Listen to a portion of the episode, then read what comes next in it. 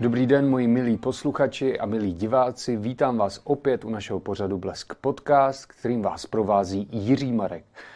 Tentokrát se opět zase přesuneme na Ukrajinu a pozval jsem si hosta, nebo spíš hostku, která pochází z Ukrajiny a učí zde rodiny, děti, maminky, tatínky, babičky, dědečky česky. A jsem moc rád, že přišla Katerina Michailova. Dobrý den. Dobrý den, děkuji za pozvání. Jsem moc rád, že jste tady.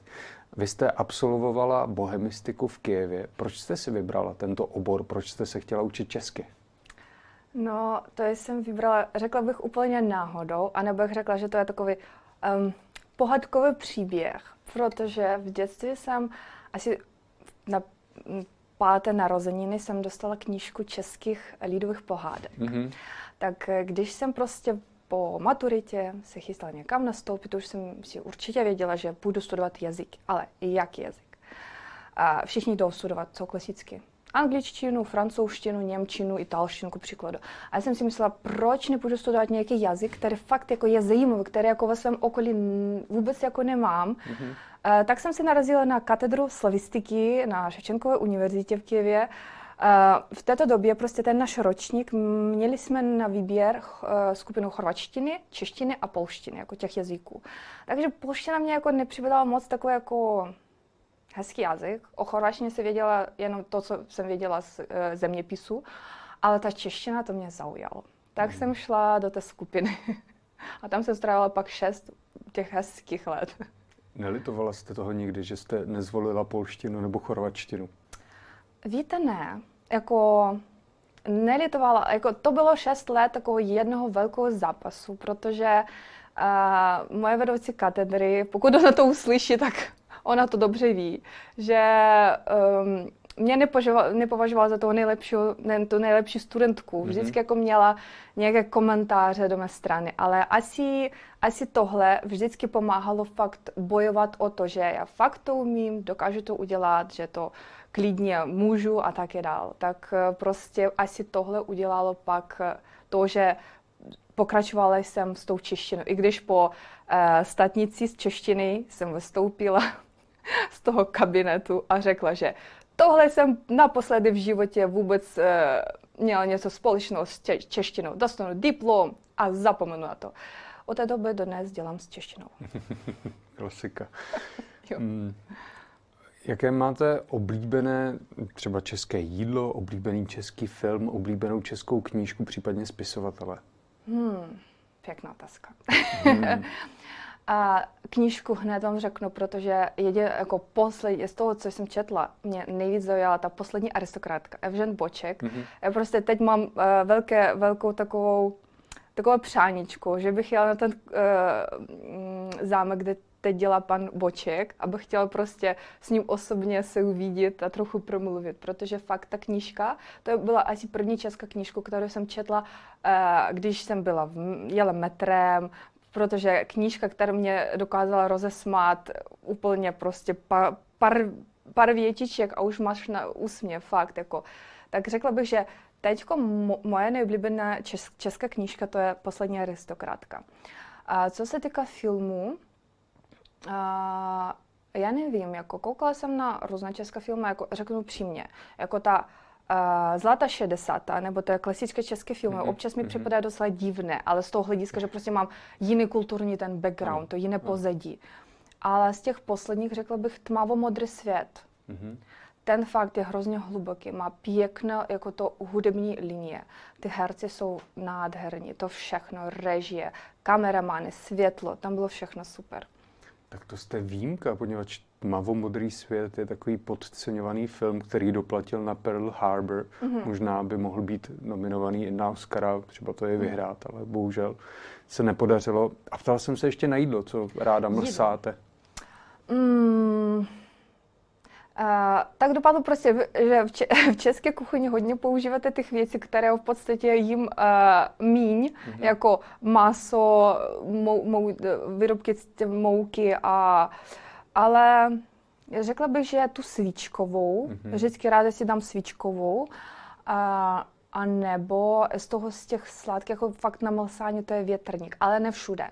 Prostě v Praze mám pár míst, kde určitě vím, že tam bude ten větrník ten nejlepší fakt. A ještě možná, jo, ale z těch studentských let. Eh, jedna byla věc, kterou jsem, jako my s eh, kamarády hrozně mm-hmm. měli rádi, eh, smažený syr v housce. Aha. Ale fakt jako v Brně je jediné místo, které, místo, které dodnes, takové okýnko na ulici, kde dodnes prodávají ten smažený syr. Mhm. Ale to fakt to bylo, ale smažený syr jenom tam.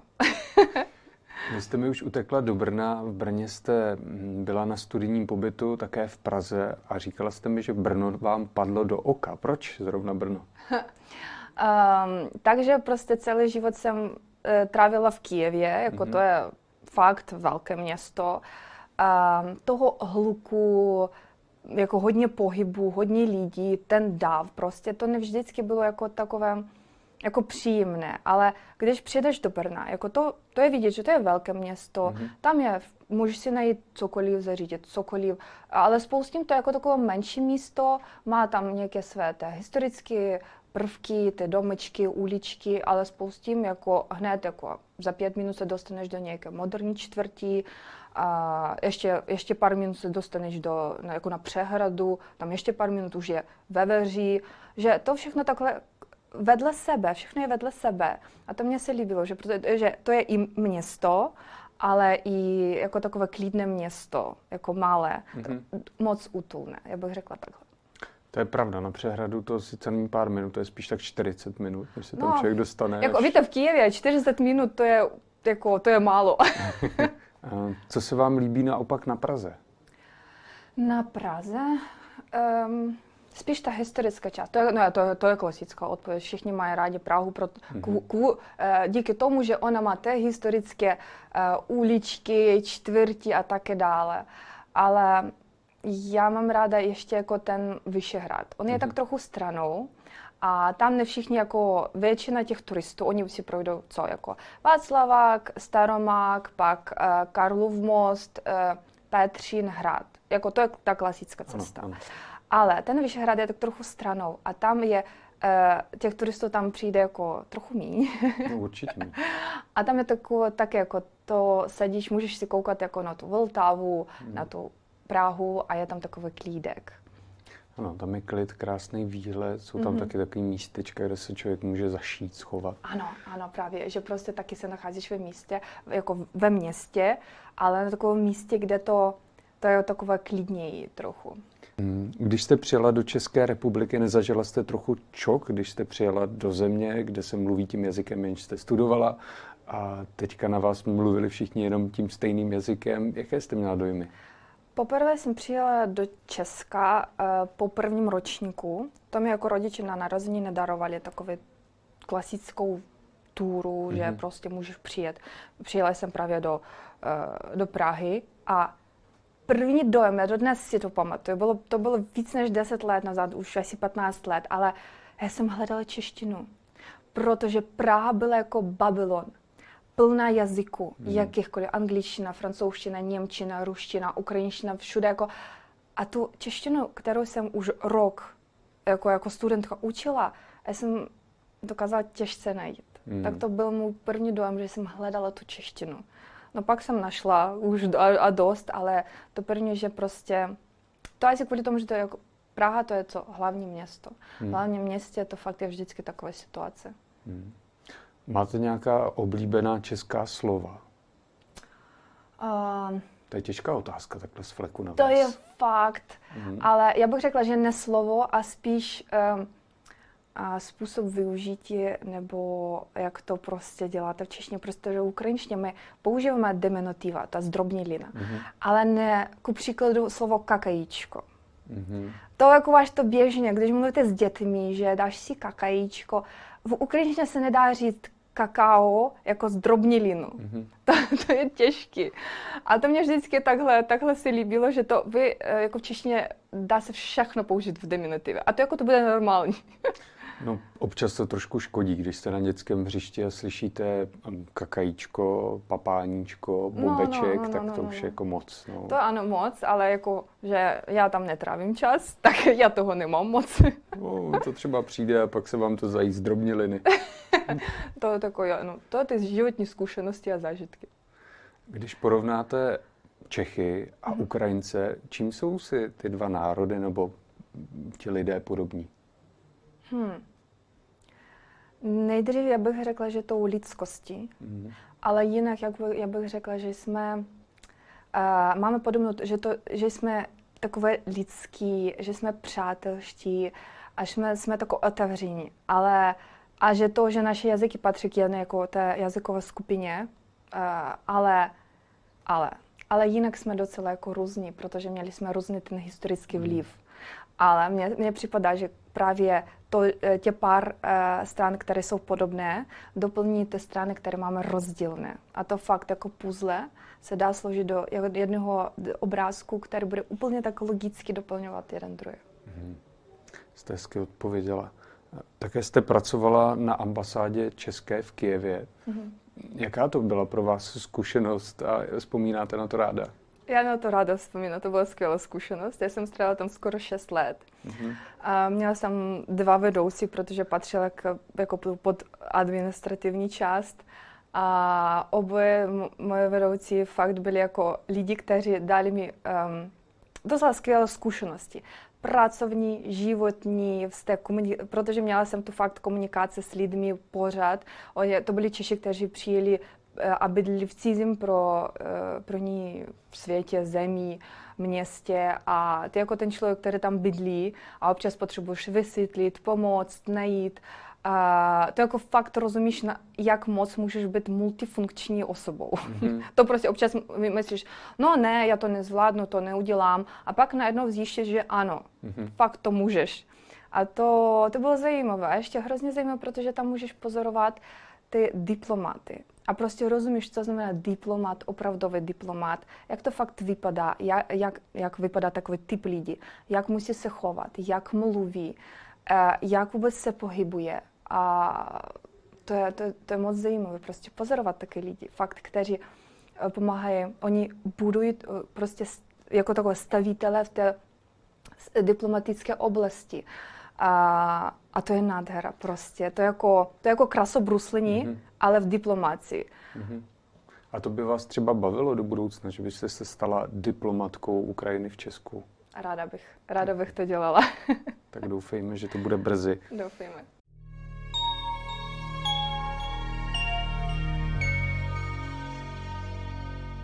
Stále sledujete pořad Blesk podcast, kterým vás provází Jiří Marek a se mnou je zde Katerina Michajlova.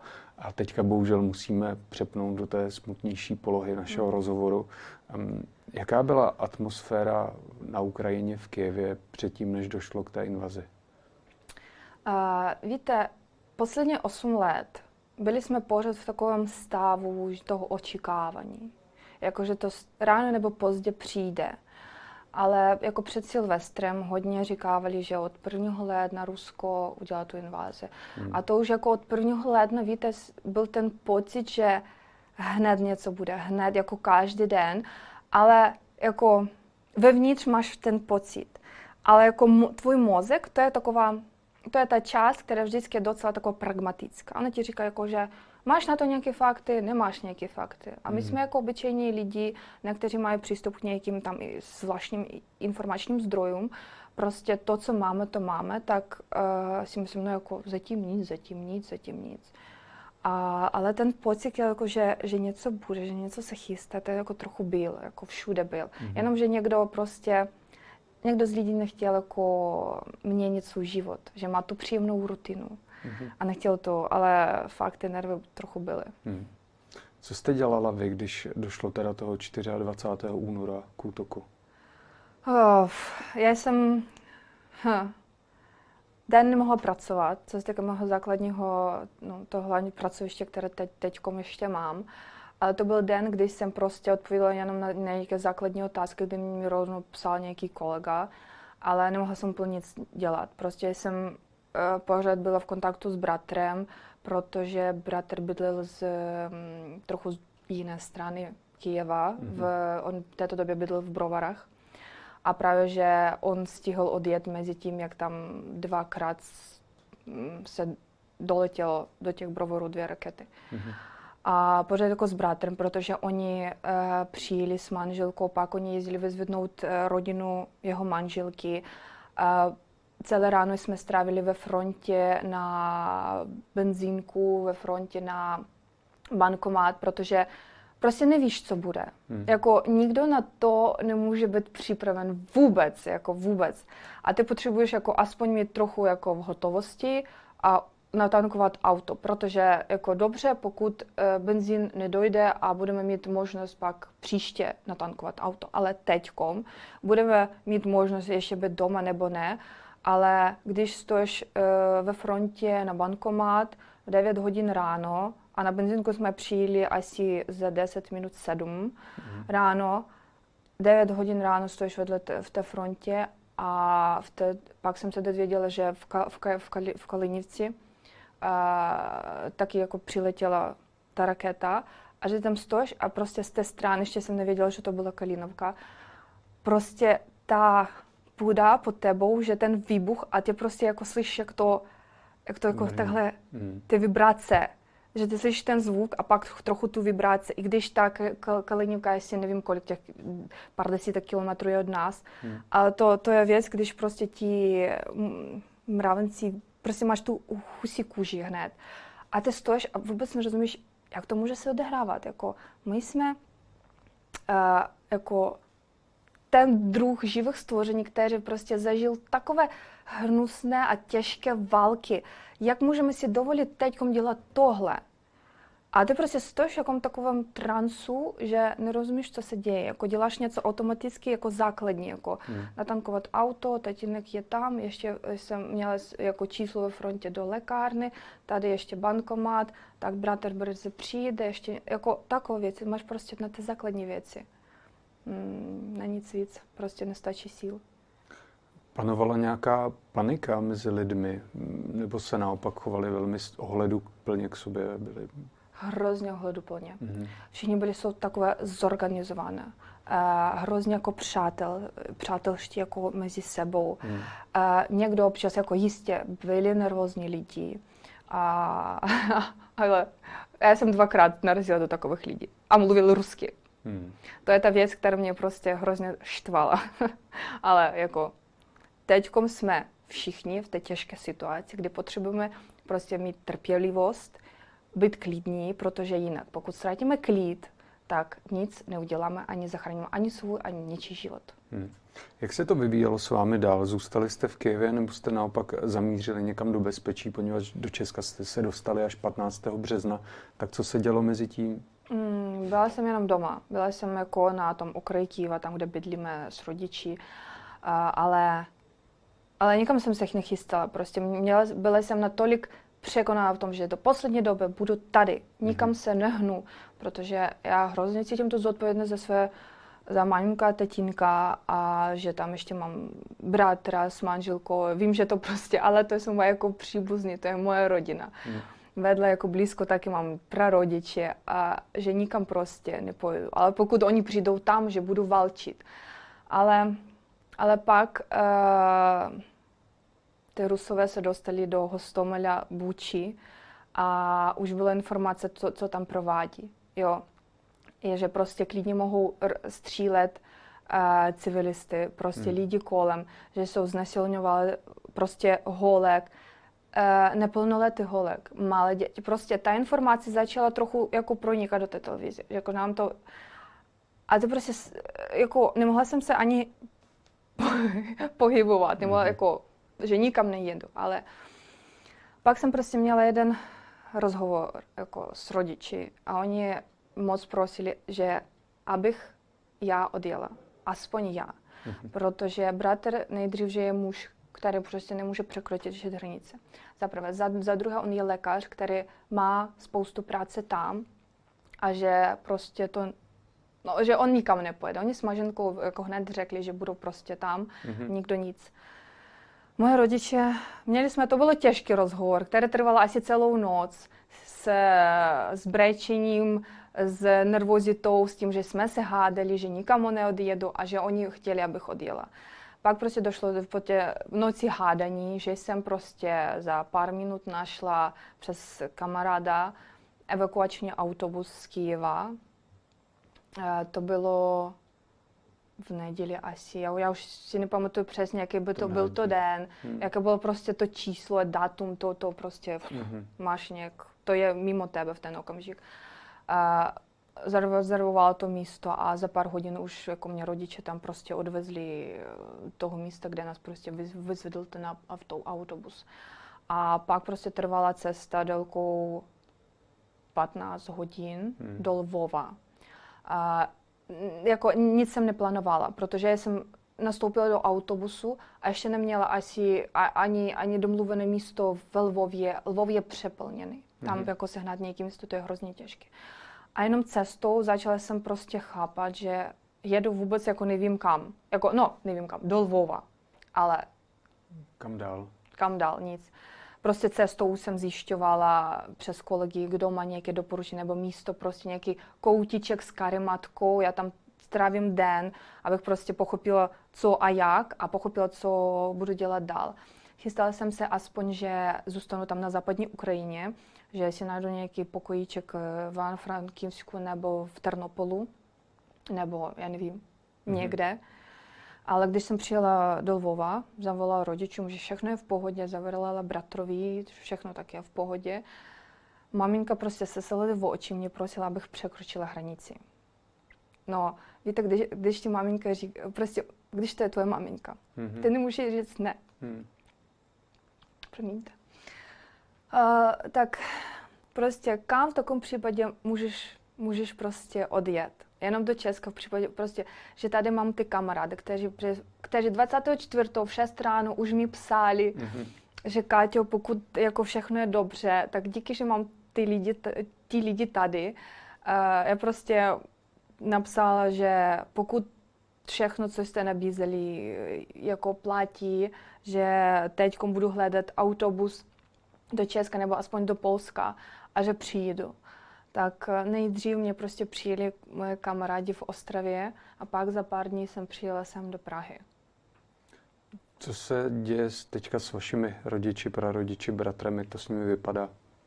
Jako teďkom, díky bohu, jako včera jsem s nimi mluvila. Oni říkají všechno v pohodě, abych byla klidná, ale abych ještě nikam nejela, aby, abych byla tady.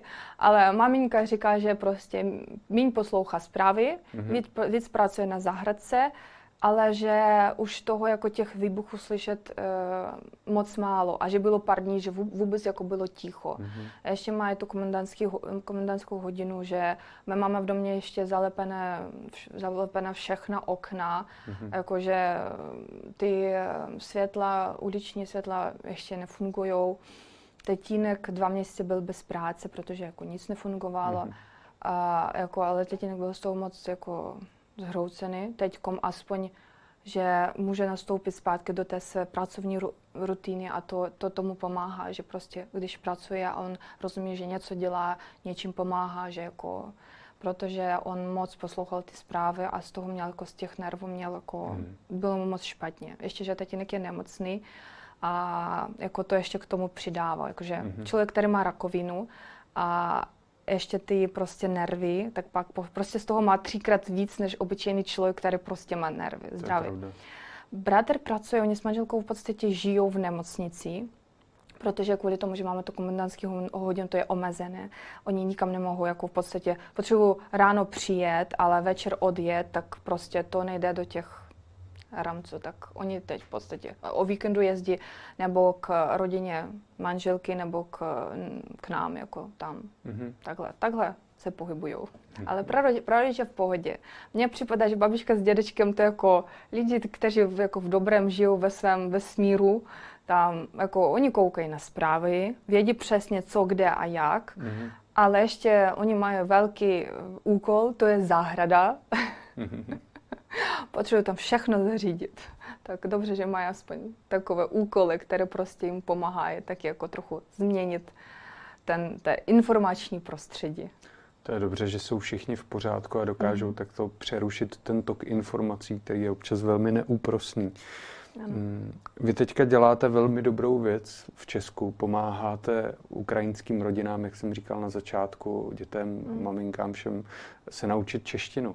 Kolik lidí za vámi dochází a jak moc se chtějí naučit česky a třeba tady i zůstat? Teďkom dělám v adaptačních skupinách na Praze 9 mm-hmm. a máme tam jako základ, podle základu, podle jako hlavní myšlenky. To jsou jako ty skupiny pro děti. Ale tam taky občas mohou přijít jejich rodiče, kdo chce poslechnout nebo má nějaké otázky. Teďkom tam máme skoro 60 dětí a sedm učitelek.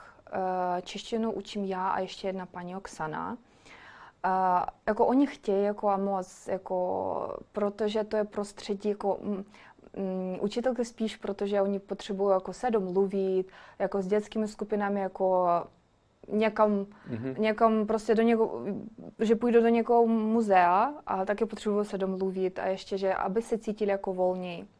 Ale děti, víte, jako dětská psychika je, je natolik uh, taková flexibilní, mm-hmm. že oni, mm-hmm. oni se přizpůsobí k čemukoliv.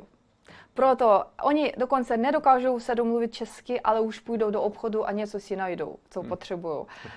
To, to už mám takové zkušenosti. Ale je, oni se učí, oni prostě občas něco řeknou, oni, jo, to jsme slyšeli, anebo to, to jsme tam někde viděli, tam něco ukážu. A, protože teď s tím, s mladší skupinou my máme jako tu věc jako mm, formou hry, Mm-hmm. Učíme se formou hry. Ale s těmi staršími už jako to máme víc důkladněji z hlediska gramatiky, eh, slovní zásoby, to probíráme. Eh, ohledně toho, kdo chce se zůstat, tak já myslím, že jako půlka by chtěla zůstat. Mm-hmm. Ale druhá půlka těch, protože tady je většině ty maminky s dětmi, jako většina, kteří jako na Ukrajině mají ty manželé, jaké pozemky, domky a také dále, že oni, oni prostě, oni tady, že přijdou na nějakou dobu a rychle odjedou. Prostě mm-hmm. oni mhm. to už mají jako tady v hlavě jako zaprogramované, že určitě vrátíme se. E, ty jako víceméně jako moc nechtějí se učit. Jako oni se naučí základní věci. E, základní otázky, nějaké co, kolik, jak, nashledanou, dobrý den, nějaké takové jenom základní věci. Několik lidí jako moc docela jako tak dobře studují jazyk, eh, jako starší ty studenty. Ale mám příklad několik eh, kluků, kteří prostě odmítli se učit česky. Protože když jsem řekla, no tak dobře, a bez češtiny nikam ne, nepůjdeš tady pracovat, jakože, jenom na továrnu. Půjdeš pracovat do továrny. On, nepůjdu pracovat i do továrny sem, protože já se vrátím domů. On tak prostě hned mi to jako odpalil, jakože to je dobře, že se chtějí vrátit domů a věříme tomu, že se vrátí všichni, kdo chtějí domů a všechno bude v pořádku, doufejme velmi brzo. Ano. A to je vlastně i má otázka na vás. Kdy se chcete vrátit domů? Co už byste nejradši vyrazila teďka nebo ještě stále za současné situaci se cítíte, že děláte tady dobrou věc, což teda děláte? No, nejdřív, já se chystám, nejdřív, jak bude taková možnost fakt uh, bezpečně se vrátit domů, mm-hmm. já se vrátím. Protože taky, jako mám ráda Česko, ale jsem Ukrajinka, chci bydlet doma. Mm-hmm. Maximálně uh, cestovat po světě a dělat tak, aby lidi se zamilovali do Ukrajiny, do ukrajinské kultury, do ukrajinského jazyka, do ukrajinské písní. A, ale tady zatím mám co dělat. Fakt, když prostě tady vím, že pomáhám lidem. Nejdřív jako učitelka, občas jako překladatelka. A, mám tady holku, která je s rodinou z Mariupolu, a, tak občas potřebuji přeložit to taky pomáhám. Nebo tady mám možnost sehnat některé věci, které naši uh, vojáci potřebují na Ukrajině, protože pomáhám těm dobrovolníkům z české strany, jako tam mm-hmm. našim ukrajinským. Ku příkladu hledáme taktice le- lékarničky, různé jako do- drobné věci, které potřebují kluci prostě, já nevím, boty, různé jiné věci, protože někdo z dobrovolníků hledá helmy, někdo bez, eh, ty zachrání vesty. Já jako příklad věc dělám po té um, medicínské linii. Mm-hmm. A občas eh, prostě s tím pomáhají nějaké nadáce, k příkladu eh, nadáce s špunticí, hrozně pomáhá s těmi lékárničkama. A prostě pokud tady eh, fakt je potřeba, abych tady byla, já tady budu. Hned prostě, jak mě tady už nebudou potřebovat, tak klidně vrátím se domů. Hm. Já moc děkuji, že jste byla hostem našeho pořadu Blesk podcast, byla Katerina Michailova. Děkuji moc za pozornost a za pozvání. Hm. A vám děkuji, že jste nás doposlouchali, dosledovali a těším se zase u dalšího dílu. Mějte se fajn.